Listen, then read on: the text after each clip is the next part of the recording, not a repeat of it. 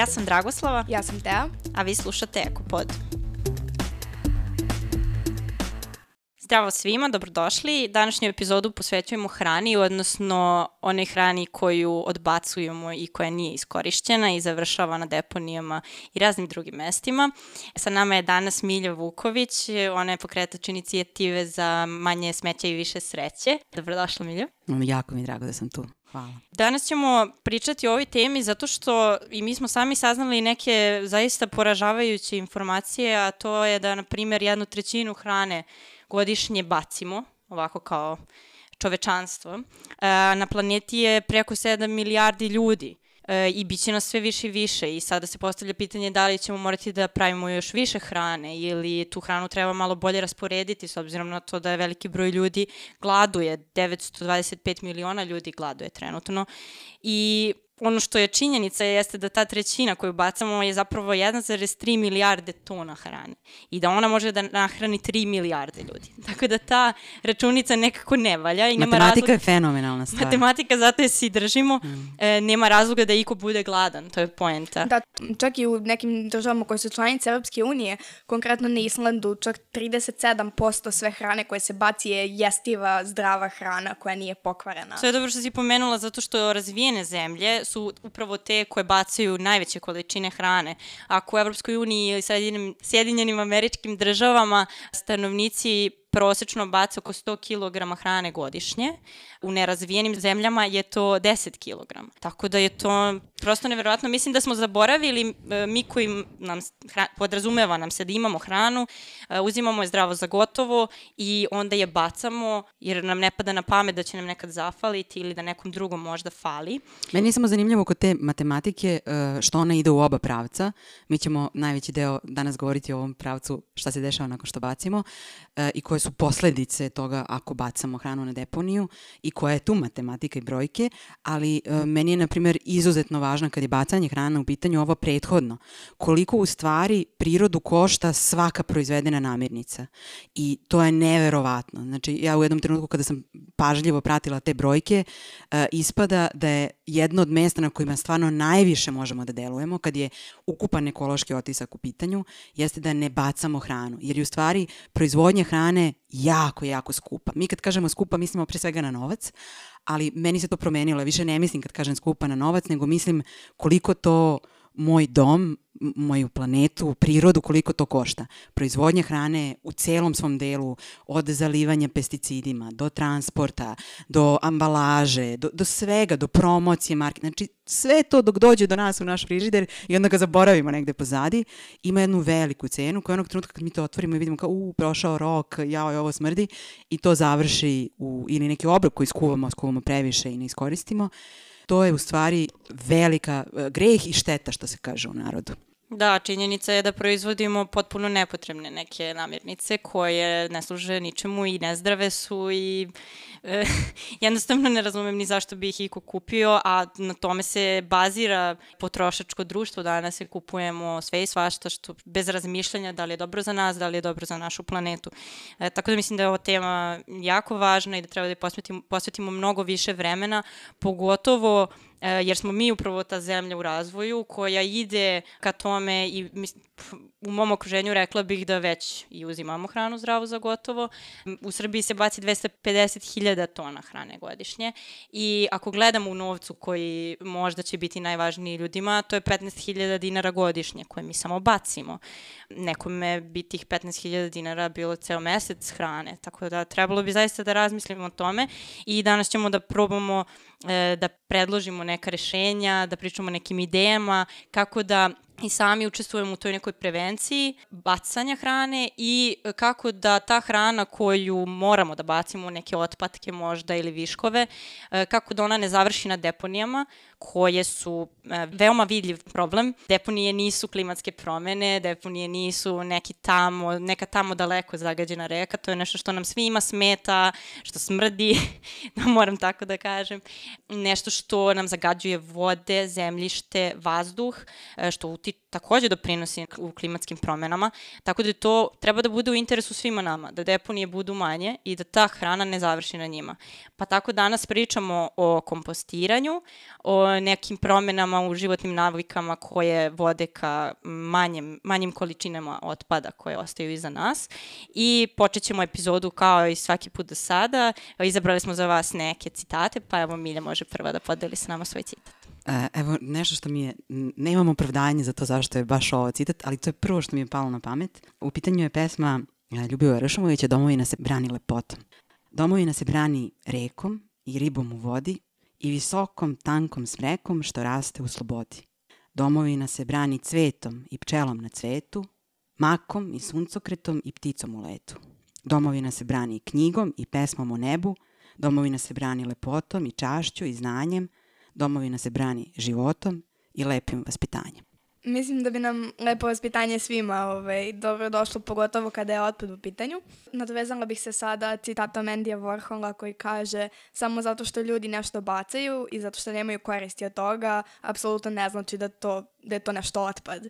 I mislim da je to nešto na što ne obraćamo dovoljno pažnje, da samo zato što nama nešto ne treba i zato što mi više ne vidimo vrednost u tome, treba da ga bacimo, uništimo, zaboravimo i pustimo da truli. Evo, ja ću se savršeno onda nadovezati nekako malo dosadnije, ali mislim da je, da je dobar zaključak. Citirat ću Pita Sigera. Ako nešto nije moguće smanjiti, ponovo iskoristiti, popraviti, obnoviti, doraditi, preprodati, reciklirati ili kompostirati, onda ga treba ograničiti, redizajnirati ili ukloniti iz proizvodnje. Aleluja, uopšte nije dosadno. Meni to totalno uzbudilo. Ja sam kao, idemo! pa da. Dobro, nakon ovih citata da pređemo mi na taj kompost. Prvo da malo ispričamo šta je kompost uopšte, kako ga dobijamo i nekako ste neke naučne strane, šta je to, šta se tu dešava kada, kada hrana postaje kompost. Da, pa kada hranu kompostiramo, ono što zapravo radimo jeste da omogućavamo mikroorganizmima, u, u najvećem broju slučajeva bakterijama, ali u nekih 10% su tu i gljive i drugi mikroorganizmi, uh, omogućavamo im da tu hranu koju smo mi bacili iskoriste za sobstvenu ishranu i da ih razgrade, tako da na kraju ono što nama ostane jesu razgrađene neorganske materije, odnosno nutrijenti koji dalje mogu da se koriste, na primjer, kao džubrivo za biljke. To je zašto je kompost na prvom mestu nama jako koristan i zašto od te bačene hrane mi možemo zapravo da dobijemo nešto, nešto što ćemo vratiti prirodi. Način na koji to funkcioniše, postoji nekoliko faza, ali u suštini prvo se, dok je kompost na sobnoj temperaturi, tu pojave bakterije koje mogu da žive u tim uslovima. One donekle razgrade tu hranu i razgradnjom te hrane zapravo zapravo oslobađaju energiju, mnogo energije. Između ostalog, jedan veliki deo energije kao i u svakoj mogućoj reakciji odlazi na toplotu, što znači da se ceo taj kompost zagreva i onda kada se temperatura podigne na nekih 40 stepeni, tu počinju da se nastanjuju i druge vrste bakterija kojima takve temperature pogoduju i one još dalje razgrađuju hranu, odnosno ono što je od te hrane tada ostalo i sve tako ide u krug dok se, dok se zapravo ne razgradi sve što je, što je tu bilo. Znači, to je jedan potpuno prirodan proces koji se dešava bez obzira na to šta mi radimo sa njim, odnosno mi moramo da vodimo računa o tom kompostu, Milja će nam o tome pričati kasnije, ali to je nešto što bi se desilo u principu, na primjer, u šumi sa lišćem. Apsolutno, mi imitiramo mi prirodne imitiramo. uslove u kućnim uslovima ili baštenskim, baš to. I u idealnom slučaju to je upravo ono što bi trebalo svi da radimo, a ne da u kese zapakujemo hranu i pošaljemo na deponiju gde onda one ne mogu uopšte ni da se razgrade tehnički. Apsolutno. Mislim da je odlik uh, našeg društva, naše civilizacije u ovom trenutku uh, neverovatna primitivnost pritom da se ne urede primitivna promene i tako dalje, govorim pežorativno to, to da mi nešto što je tako skupo proizvodno ne iskoristimo i onda još bacimo na deponiju da dalje pravi probleme, meni izgleda kao glupo i primitivno. Tako da ovaj, je to nešto što, što svakako treba da, da promenimo. Ajde što je glupo i što je primitivno, nego na sve to još i jako neprijatno, pogotovo mirisom, s obzirom na to da kada ostavimo uh, hranu da se raspada u uslovima u kojima nema dovoljno kiselnika, tu će se nastaniti anaerobne bakterije koje žive u uslovima gde je koncentracija kiselnika jako mala i ono što će one da urade jeste da ponovo će da razgrade tu hranu, ali će u tom procesu napraviti vodonik sulfid. To je gas koji kada se ispusti, zapravo kada dođe do našeg nosa, mi ga raspoznajemo kao miris pokvarenih, odnosno trulnih jaja i taj gas, ajde što je neprijatan, već može da naškodi i nama i u suštini to je i razlog zašto nam kese za džubre stalno smrde, zato što ukoliko njih, u njih stalno bacate hranu i dozvoljavate koje čemu da se tu namnoži i da, da ispušta koje kakve gasove, onda ćete imati naravno problem da vam, da vam i kante smrde. Pa i to, ali ti gasovi koji se razvijaju na deponijama su i uzrok zašto deponije gore redovno, odnosno stalno. Znači, nezbrinuti ili nedovoljno profesionalno ili kako god sad da, da to ovaj, izrazimo sa tome kako se brine o deponijama. I nedovoljna briga je razlog i upravo ovaj sad proces koji smo pisali zašto smo mi u gradu kome pod normalno deponija Vinča gori, ovaj, a povremeno su i veliki požari u pitanju.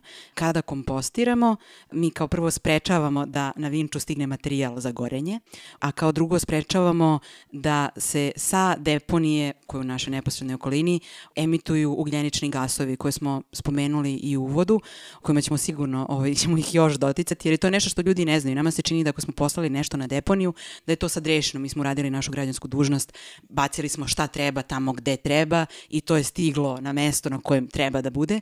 Ono što je meni tu veliki problem jeste vreme, deponije blokiraju prostor za život, oduzimaju stanište, truju zemljište, truju vazduh i uz to imaju, osim tih procednih voda koje su super toksične, kao posledicu imaju i ovo gorenje i ugljenične gasove koji uopšte nisu mali. Recimo jedan podatak je da uh, sa deponija globalno u svetu se oko 11 procenata sveukupnog metana emituje upravo na njima.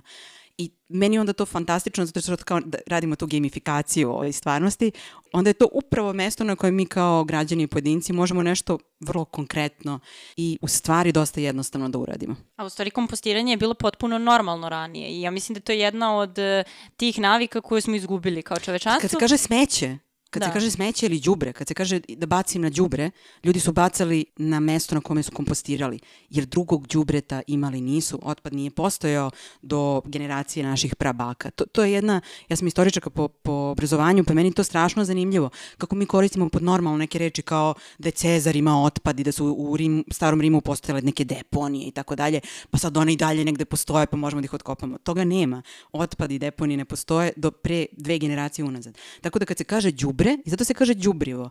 Ljudi su ostavljali to malo organskog otpada nekog kojeg su imali, su stavljali na neko mesto i onda su tu opet ovo o čemu ćemo mi sad detaljno govoriti kako se to radi i onda su time đubrili svoju zemlju i vraćali nazad zemlji.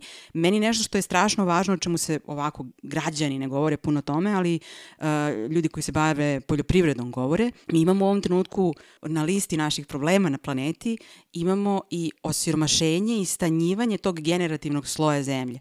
Znači mi mi gubimo, Vojvodina postaje, kako bih vam rekla, tanja. Zbog Naj... obrađivanja zemljišta. Zbog, obrađi, zbog svega što radimo, ali meni je vrlo jasno i da mi ne vraćamo, mi vadimo, mi uzgojimo kukuruz, to je sve materija koja je izašla iz tog zemljišta, mi smo napravili, ispekli naši hleb, bacili taj hleb, to što je ostalo je završilo na deponiji, nije se vratilo na tu njivu. I meni je ta matematika vrlo, mislim, ako se tako pojednostavi, jasna. Meni je jasno da treba da vraćamo. Tako da ljudi su to ranije podnormalno radili kroz đubre, odnosno đubrivo, a mi smo sad prestali da pravimo đubre i đubrivo i počeli da od đubreta pravimo, tog organskog pravimo samo problem, a zamenili smo to nečim mnogo lošim tom svom plastiku, metalom, svim stvarima koje bacamo koji će samo malo biti tema danas. Tako da kompostiranje, da, Mi smo se u stvari malo i razmazili, živimo u stanovima no, i smo se razmazili. mnogo smo se razmazili. Taj život u stanu deluje kao da nije moguće uopšte baviti se tim praksama, odnosno voditi računa o mm. organskom mm. otpadu, nego što ti kažeš samo ga spakujemo lepo u kesu i još mislimo da smo dobro da. uradili jer smo ga lepo bacili u kontejner i neko će time da se pozabaviti. Meni je zanimljivo što uvek treba da nastupi neka promena, ta promena deluje nemoguća koja god promena istorijski, tako da potpuno mi je jasno da ljudima se izgleda pa kako ja sad da idem kao unazad. E, šta je, moja prababa je kompostirala, pravila tuđe, sad ću ja da pravim đubre, pa, pa na što to liči, pa to je kao, sam ja siromašan, kao zašto ne ili tako nešto. Ja se nadam da ćemo sad bar malo doprineti tome da ljudi shvate da je to zapravo prvo nešto prelepo, kada vide toliku količinu nečega što bi bilo đubre koje smrdi, a sada je odjednom ne odjednom, ali postalo je zemlja, bukvalno koja čak miriše, jel da? Tako da, hajde da probamo to da, da nekako objasnimo i da, da nekako ljudi požele kada ovo odslušaju da počnu da prave kompost. ja, meni počnu oči da sjaje čim počnu da govorimo o kompostu i to onako blago manijački. Ovaj. Evo, kako, meni je se, žao, kako se pravi Meni je žao što ja nisam ranije krenula da kompostiram, da. ali baš zbog toga mogu da razumem svakoga ko okleva, jer sam ja jako dugo oklevala, bila sam ubeđena da se u mom slučaju ti hemijski, fizički procesi neće odvijati. Znači ja ću nešto da zeznem, to neće hteti da se razviju ti mikroorganizmi, to će da, sm da smrdi, to sam bila sigurna i tako dalje. Ja tako iz da istog razloga još nisam počela, pot, ali mislim da... da potpuno razumem, da. znači ne znam, to je neki, ja mislim da je to samo zato što mi nedovoljno vremena a, provodimo u prirodi i onda nismo konstantno svedoci toga koliko je to prirodan proces. Mi sad u stvari kada pravimo kućno kompostiranje, mi imitiramo upravo ovaj ovo što je Teja na početku objasnila, mi imitiramo iste te uslove i kada se uhvati ritam, to je u stvari užasno jednostavno i onda nam bude žao što to nismo krenuli ranije. Ono što nam treba u slučaju ovog baš tipičnog gradskog kompostiranja jeste jedna kanta i recimo prostor na terasi ili nekom javnom, recimo u dvorištu, ako imate dvorište, onda ako tu možete da ostavite tu kantu, to je idealno. Znači, kompostiranje u kanti, to je nešto o čemu ćemo mi govoriti danas. Ja bih samo htela da spomenem, mi se sad obraćamo građanima, ali građani su u istovremeno i pravna lica, odnosno biznis ljudi. Kompostiranje je apsolutno biznis. Srbija treba da otvori nekih 150 kompostana, tako je predviđeno ne znam da li smo i dobili novac i postice za to, ali nismo to uradili. Tako da ovo je komunalna stvar, apsolutno. Znači, pred nama je i treba da tražimo od naših gradova da što pre otvore javne komunalne kompostane. Ili da neko to počne da radi kao uslužno pa da mu grad plaća to i mi svi građani kroz to. Tako da o tome nećemo danas govoriti. Ja, ja se skroz za to zalažem i čekam. Ali važno je to da pomenemo. Jer... Apsolutno. Znači, poziv ko ima, ko želi zeleni biznis, neka otvori kompostanu, ona nam treba od prekjuče Mislim, treba nam njih 150, kako da vam kažem. Ali ogromna je radost kompostirati kod kuće i zaista nije teško. Mislim da svakom verovatno treba neko vreme da uhvati taj ritam. Ono što nam treba je jedna kanta, tu kantu treba probušiti rupama, jer kao što je Teja spomenula, u pitanju je aerobni, odnosno proces u kome mi računamo na saradnju sa kisonikom, ne štitimo od vazduha, nego baš izlažemo tu našu kompostnu hrpu vazduhu. E, tako da je potrebno da, da bude rupica dole za drenažu i rupica sa strane na kanti. Znači, vi ste upropastili jednu kantu, ali ja preporučujem da kantu uzmete neku, na primjer, ako imate od nečeg gde preostalo negde da bi ta kanta inače bacila. Recimo, e, meni je zanimljivo pekare i slično upotrebljavaju razne sastojke koje kupuju tim velikim kantama uzmite tu kantu. Bitno je da to bude taj tip plastike koji je food friendly, imate tu kašiku i viljušku, taj mali znak dole, ovaj ukršten koji znači da, da ta plastika ne bi ispuštala sa neke negativne ove stvari u naš kompost. Izaberete kantu, kanta može da ima poklopac, a ne mora. Ja, na primjer, koristim jednu deblju tkaninu na vrhu, ali može da ima i, i neki poklopac na vrhu, jer ne treba suviše da bude izložena vazduhu i onda na dno poslažete neke veće grane i to grane onako promera 1,5-2 cm i u šreh ih, mrežasto ih posložite da bi one bile, da bi napravile taj mali džep vazduha na dnu, kako bi i dole, to je jako, jako važno, kako bi dole bio taj jedan minimalni, ali džep vazduha jer nam je jako bitno da održimo da proces ostane aeroban. Onog trenutka kada on postane anaeroban, imamo deponiju i smrt i smrad ove, ovaj, i to se odmah oseti, ali nije, ne, nije ovaj, nepovratan proces, ima spasa i za to. Preko tih grana stavimo malo deblji karton, znači opet da odvojimo i onda naređemo, na primjer, malo suvog lišća koje pospemo ili piljevin ili slame, zavisi šta imamo I onda stavimo nešto što se zove šumski humus ili uopšte humus. Bitno je samo da to bude neka zemlja za koju znamo da je živa zemlja, da je zemlja u kojoj se već dešavaju ovi svi procesi koji mi želimo da se dešavaju u stvari u našoj kompostnoj kanti i to je najbolje da bude u stvari u šumi onaj prvi površinski sloj zemlje u šumi, on je u stvari pun mikroorganizama koje mi želimo. Mislim, te i Dragoslav mogu da posvedoče da moj izraz lica sad ono potpuno srećan i radostan u trenutku da govorimo o tome, ali mi donosimo mikroorganizme u stvari u našu kompostnu kantu i postavljamo ih kao jednu posteljicu, da tako nazovemo, na dno.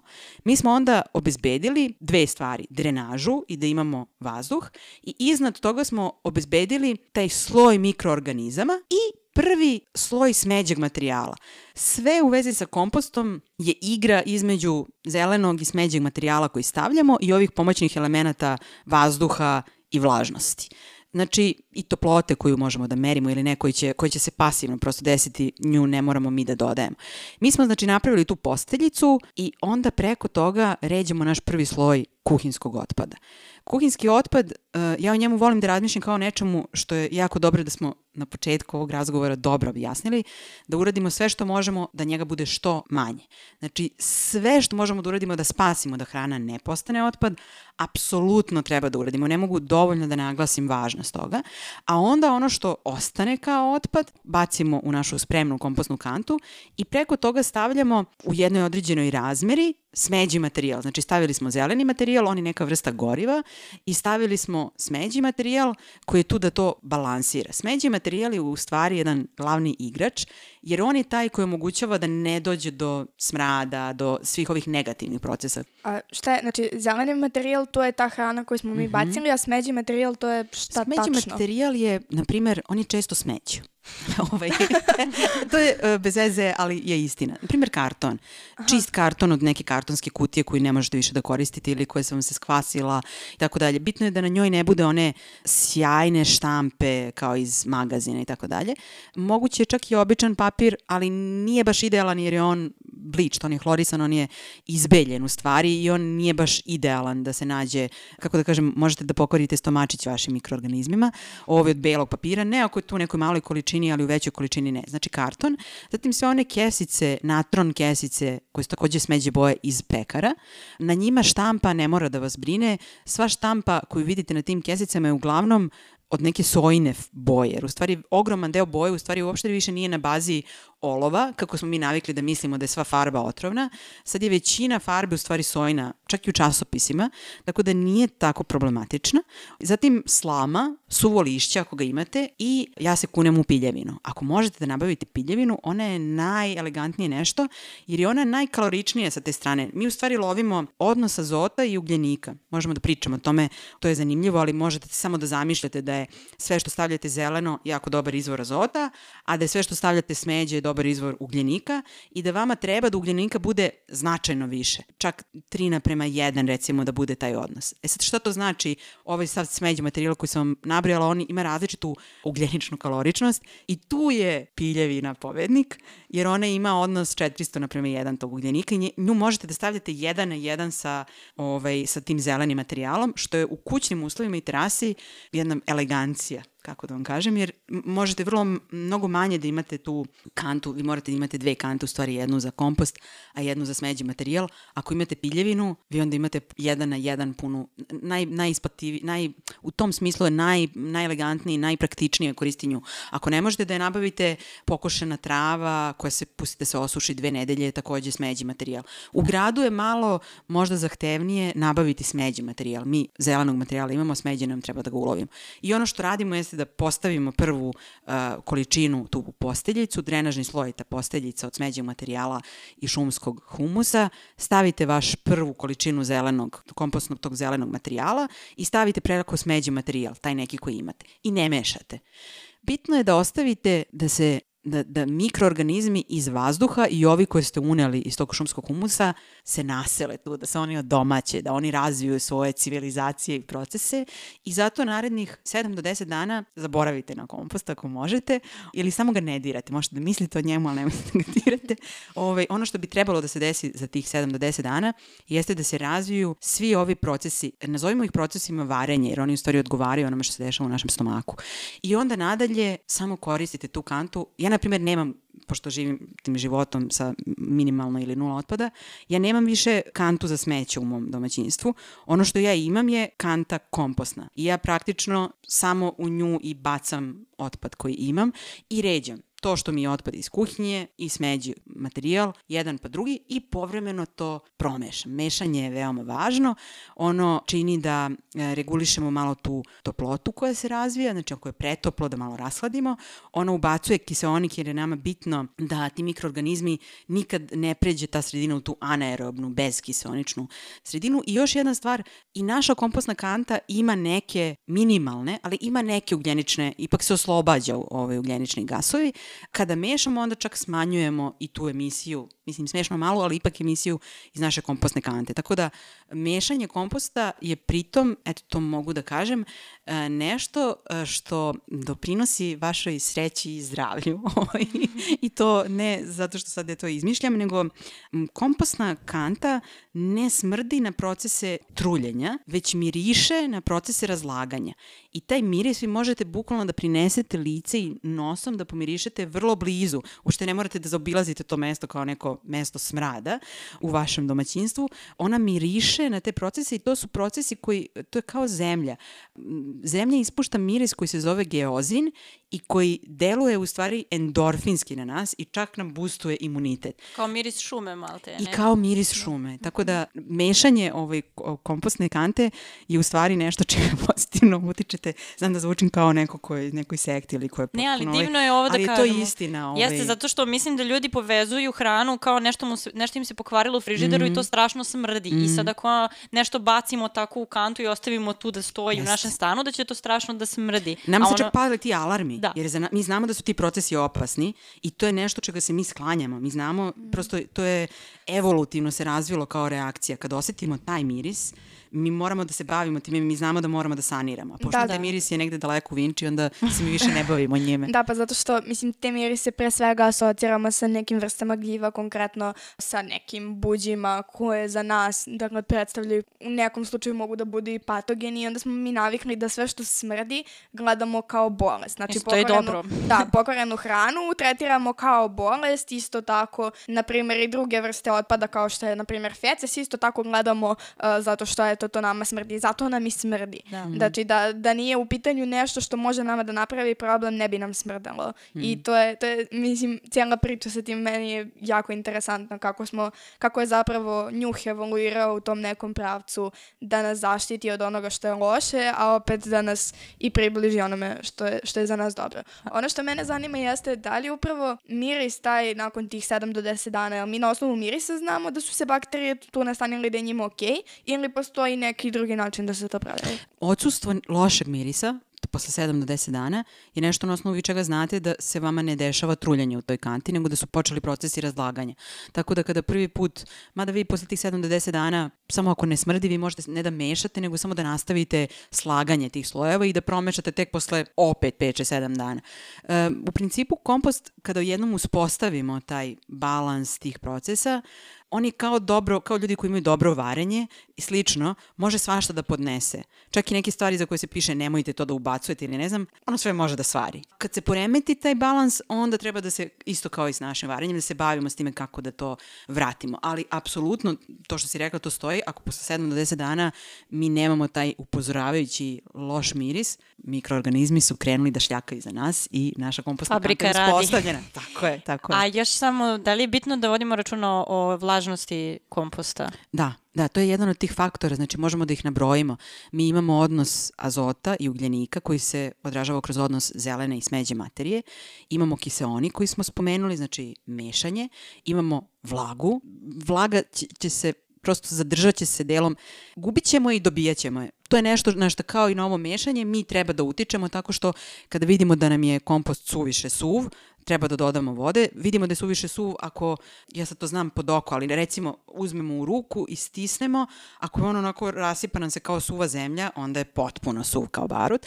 A ako, na primjer, kad stisnemo, čak možemo možda neku kap da iscetimo, ali onako jedva, onda je dobar. A ako stisnemo i onako nam se iscuri kroz prste i to, onda mi imamo u stvari neki mulj, a više nemamo kompost i u tom trenutku verovatno već i smrdi, tada ovaj, ne morate ruku možete da uzimate, ali to regulišemo tako što dodamo vodu ako je suv, ako je suviše vlažan, ako smo nešto stavili suviše vlažno, ne znam šta smo mogli toliko, ali nešto, onda dodamo tog suvog smeđeg materijala. I on, ono što je zanimljivo, vrlo brzo reaguje na tu uh, korektivnu meru koju deluje kao da sve propalo, ali u stvari mi možemo da i dalje da popravimo stvar. A pričali smo o tome šta sve može da bude taj smeđi materijal, a šta je sa zelenim? Da li postoje neke restrikcije u smislu šta od hrane sme da se stavi, ima li nešto što bi tu poremetilo priču, da. kako to funkcioniše i kako znamo? Pa iskreno, mislim da puno utiče na to da li neko može da ima kompost i da kompost, ne da svako može da ima kompost, ali da li je kompost rešenje za nečije domaćinstvo, puno utiče to kako se hranimo,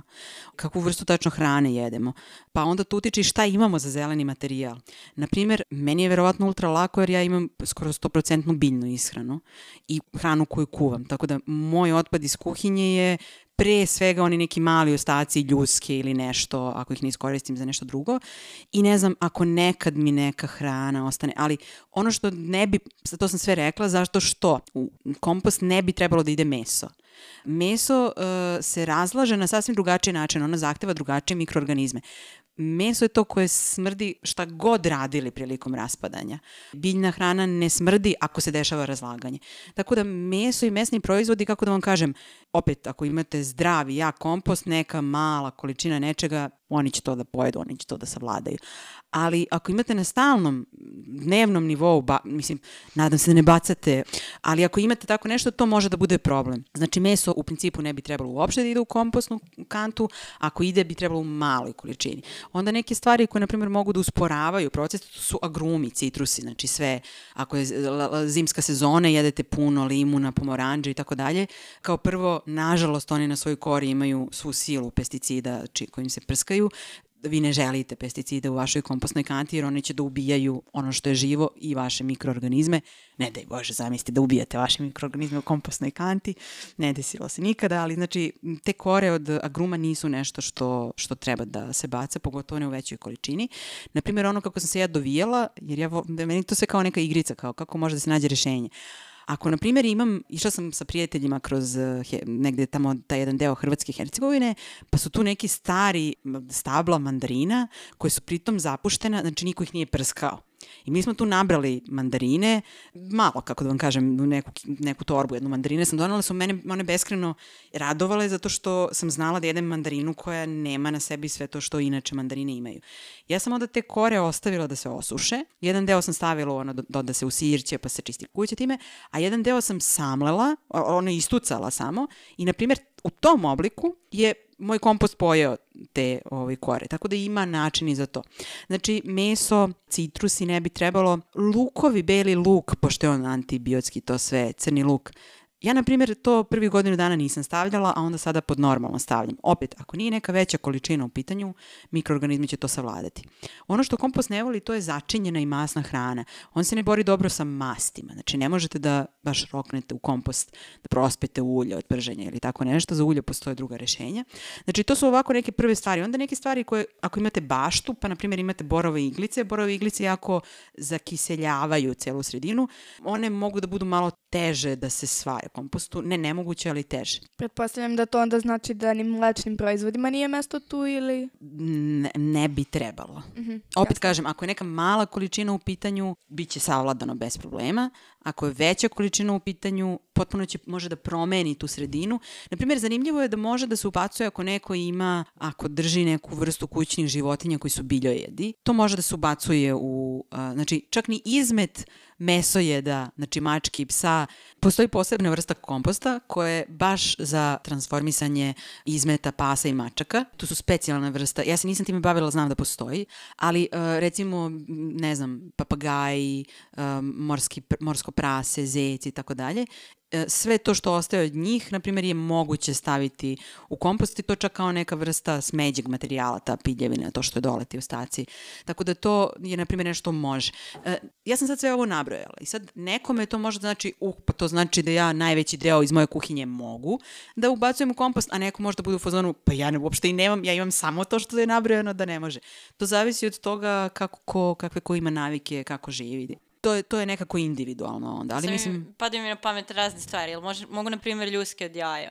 Uh, ljudske od jaja imaju posebnu, da, bismo, da, bi, da bi zemlja mogla da ih brže iskoristi, bolje je ne ubaciti ih u kompost, nego ih samo malo isprati vodom. Ako, ako koristite jaja, ostaviti da se to osuši, ubaciti u neku teglu, pritisnuti nečim tako da se slomi i ostaviti ne znam koliko vremena dok vam se ne nakupi ta tegla da bude puna. Nekome će to biti brzo, nekome će to biti jako dugo. Će mu trebati vremena da napuni jednu teglu tako stisnutih tih ljudskih jaja i onda je najbolje to ubaciti u blender i izblendirati. Ta izblendirana jaja, ljudski jaja je moguće posipati po zemlji.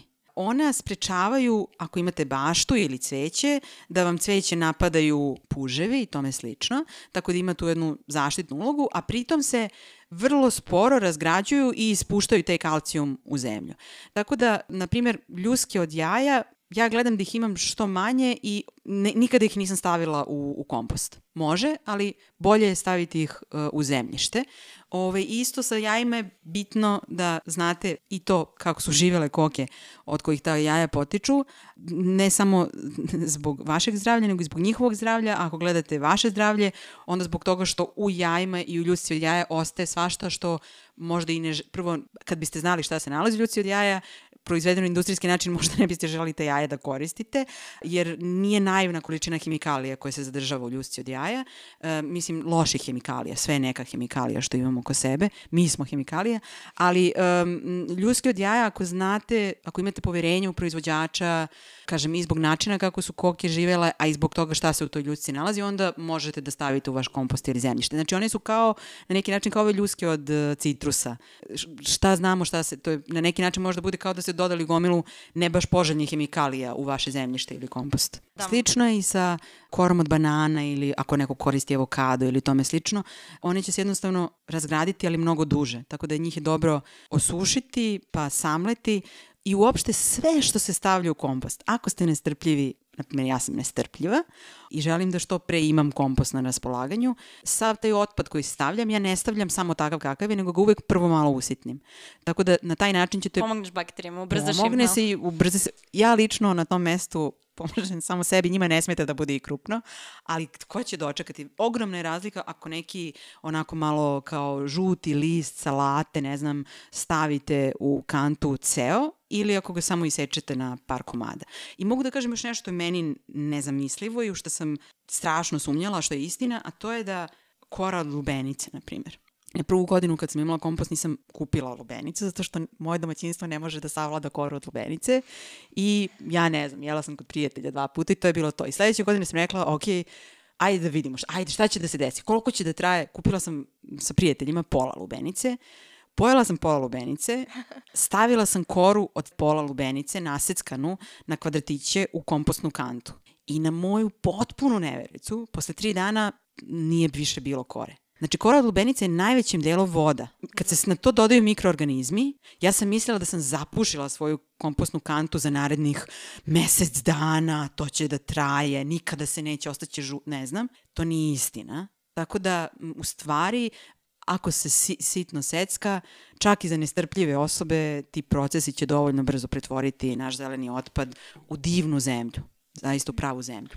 I znači mi onda nakon nekog vremena, nakon što se nama razgradi sve što smo mi, da kažem, stavili u, u taj kompost, dakle mi možemo to da koristimo kao, bukvalno da stavljamo tipa na ono, biljke koje gajimo na terasi ili nešto, umesto one Jeste. zemlje koju kupujemo ili kako to ide. Me, ja vidim tu dva pravca. Jedno je da koristimo za nešto gde direktno mi imamo korist, naša bašta, naše dvorište, naša terasa, delimo prijateljima koji imaju baštu i tako dalje. Ali u stvari mi tu zemlju možemo da prosipamo gde god želimo. Gde god da je damo, mi smo dali nešto dragoceno, mi smo pomogli biljki. Možemo da je, ako je, ako je završen proces, ako je kompost zreo, ako je sazreo, ako se pretvori u zemlju, vi možete da je date u vašem parku, vašoj lipi koju volite, vi možete da je odete kod babe na selo, vi možete da aktivno da stanete pred zemlju, da joj se zahvalite, da joj se izvinite zbog svega što radimo i da vratite tu kompost koji ste napravili nazad. I pritom ja mislim da je to potpuno dobrobitan proces, win-win situacija i zbog toga što ste vrlo faktički fizički podržali ekosistem i zbog toga šta vi osjećate. Vi se na taj način podsjećate, svako od nas se podsjeća, mi osetimo u tom trenutku jednostavno tu činjenicu da smo mi deo jednog kruga, jedne celine. A to je nešto s čime mi imamo veliki, nama se pokvario program. Mi smo zaboravili da smo mi deo okruženja i celine. Na ovaj način mi se toga vrlo, vrlo direktno ovaj, podsjetimo. Ono što je mali problem jeste što kvalitet vašeg komposta zavisi od kvaliteta namirnica koje jedete. Ako jedete visoko procesuiranu hranu ili hranu sa, nažalost, puno pesticida, neće se sve razgraditi. Mikroorganizmi razgrade puno, ali nešto će ostati. Ali ja mislim da su pesticidi toliko prisutni i otrovi koje koristimo da nažalost ne postoji ne, netaknuta krajolik u kome bi sad naš taj kompost napravio neki veliki problem. Ali mislim da sve gde biste kompost u tom nekom urbanom krajoliku ili okolnom poljoprivrednom dali, možete samo dobro da činite. Dobro, rešili smo hipotetički jedan otpad. Ako bismo sutra svi počeli da kompostiramo, deponije bi se smanjile... Od vašeg podcasta, od sutra, od ono... Od sutra svi.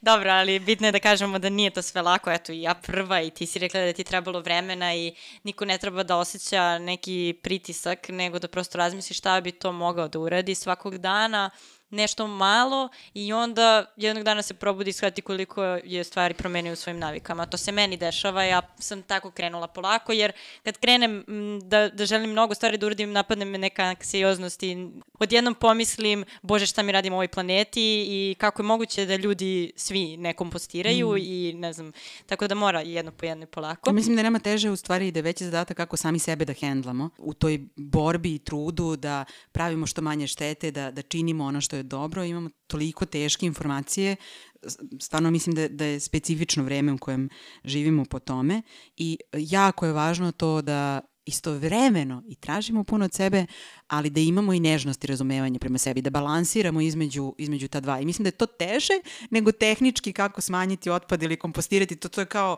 aha, uradiš to, to, to, to, to i to. Ali naša emotivna reakcija na sve to, osjećaj krivice ili ne, toga da nedovoljno radimo ili taj, to kad sebe to optužujemo i to, taj deo je problem. I ljudi često misle da ne mogu oni ništa da promeni, zato što će oni nešto drugačije raditi, nema uticaja. Taj deo nije istina. Da, da. da.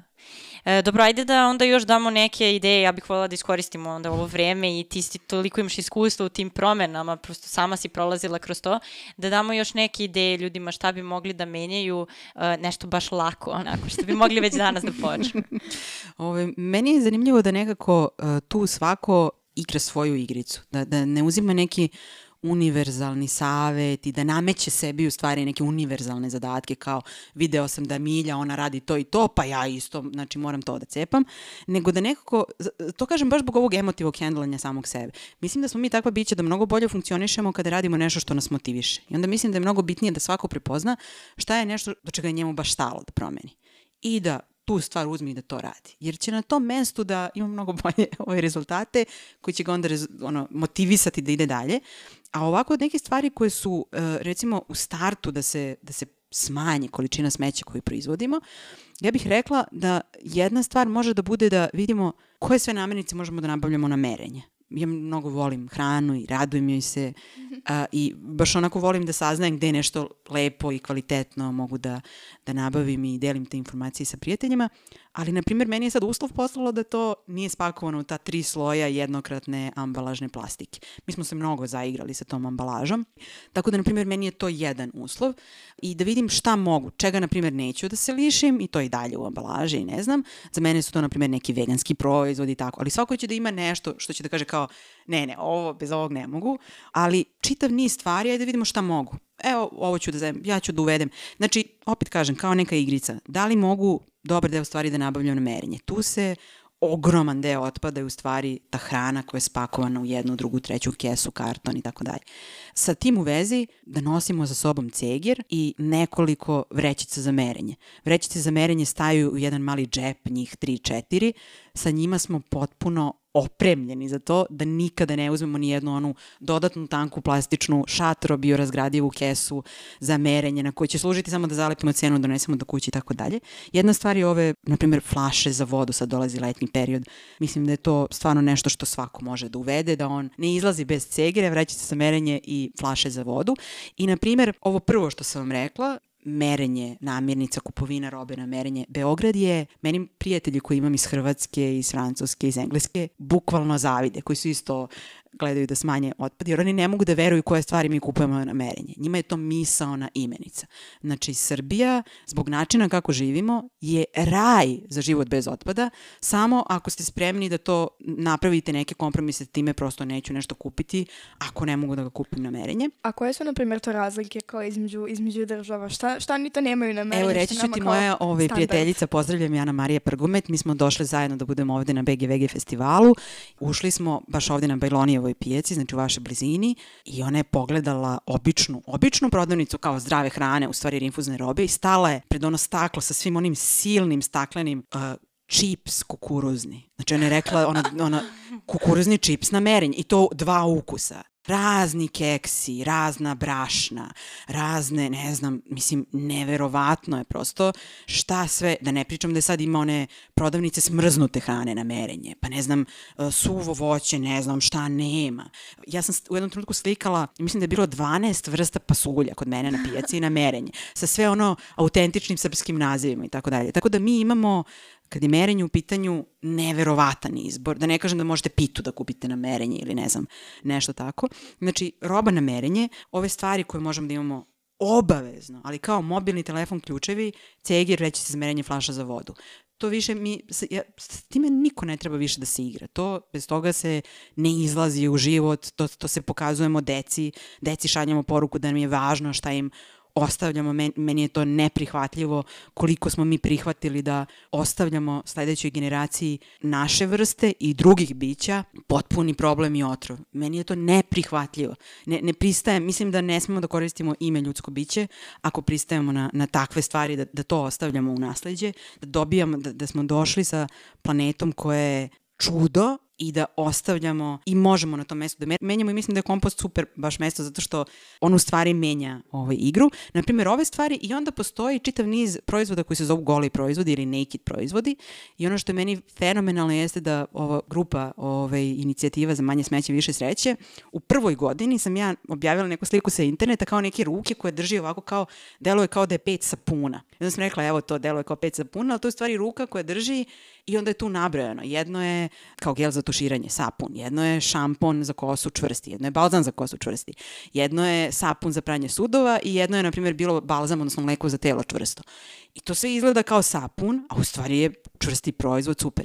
I onda mi je bilo fantastično što posle godinu dana postojanja grupe sam isto tu sliku ponovila, ali sa mojom rukom koja drži pet lokalnih domaćih srpskih proizvoda koji su se pojavili za vreme postojanja grupe. Meni je to bilo potpuno osnažujuće koliko nešto što u jednom trenutku izgleda kao to da li je promena moguća, da li nešto može da se uredi. Apsolutno, mi smo u jednom matematičkom, fenomenalnom, složenom sistemu, svaka stvar ima svoje dejstvo. Tako da pogledati koji su to, ja sam sad nabrojala neke, pritom postoje čak lokalni, ali eto možete da kupite iz neke druge zemlje, ne znam.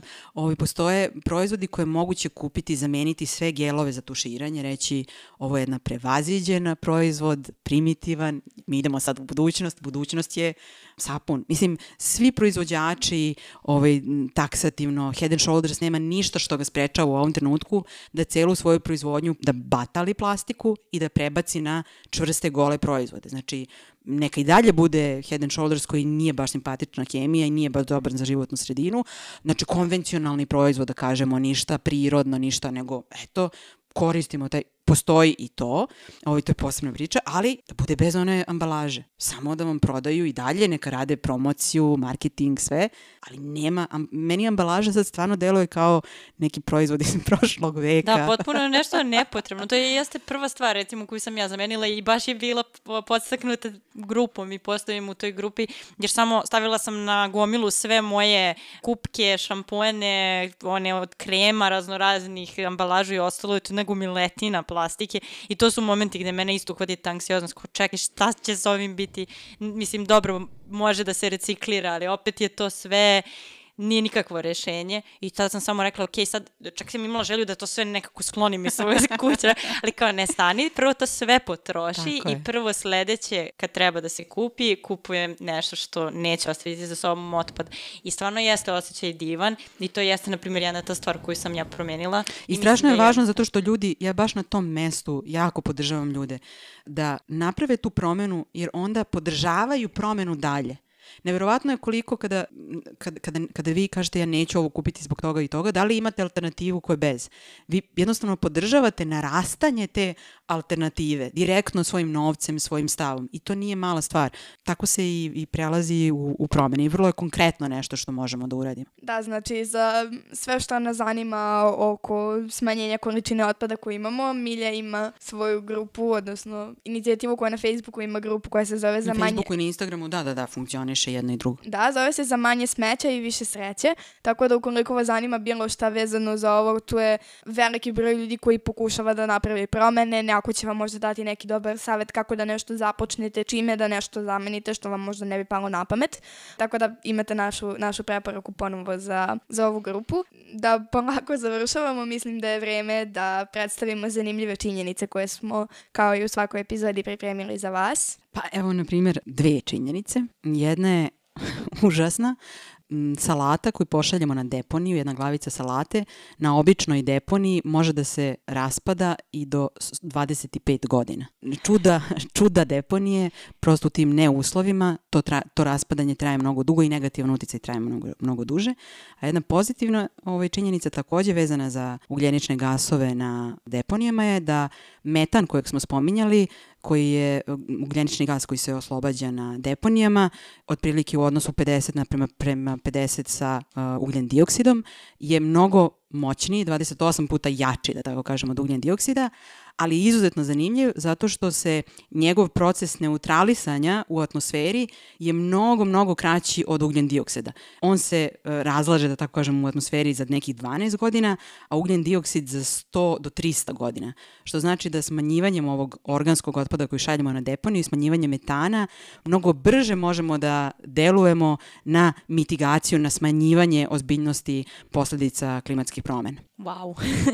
ja sam spremila jednu činjenicu koja nije toliko zanimljiva, mislim nije onako zabavna, ali jeste interesantna. Od one sve hrane koju bacamo, koju smo pomenuli na početku, trećina proizvedene, kada bismo od te trećine zaračuvali jednu četvrtinu, mogli bismo da nahranimo 870 miliona ljudi. Malo si me ostavila u, u tragičnom raspoloženju, ali evo da malo pređemo na svetliju stranu, uspela sam da pronađem neku nevladinu organizaciju iz Indije koja se zove No Food Waste. Ona je osnovana 2014. godine i počela je tako što je jedna osoba bukvalno uzela dve kese, išla od domaćinstva do domaćinstva, pitala da li imate viška hrane, kupila tu hranu i nosila ovaj, beskućnicima i sada zapravo već evo, skoro šest godina postoji ta inicijativa i oni skupljaju hranu sa proslavanom venčanja, rođendana, dakle sve ono što ostane i što vi ostavite u frižideru za neki drugi dan pa se nikad ne pojede, sve to oni skupljaju, ima, imaju i telefona koji možete da im se javite da dođu to da pokupe i onda to dele, dele siromašnjima i mislim da je to stvarno, ako to može da se dešava u najsiromašnijim delovima Indije gde postoji veliki jaz zaista između bogatih i siromašnih i gde bogati ne ne mare mnogo za to što neko nema šta da jede i nema gde da živi. Mislim da tako nešto može da se desi pa i na drugim mestima, ali boga mi u zemlji Srbiji lepo je za kraj optimistično i eto možda i neka ideja, možda nekome da ideju da počne nešto tako da radi. To je sve za danas od nas. Za ove zanimljive činjenice možete da posjetite Patreon i da glasate, Teja i ja se i dalje takmičimo i takođe na Patreonu možete da birate, ne, da predlažete neke teme o kojima biste volili da pričamo u narednim epizodama. Čujemo se sledeće nedelje.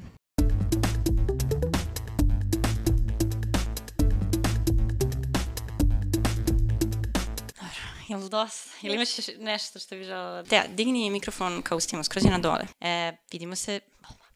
Ma dobro, i svi ćemo, ne znam što sam rekla, pozdrav.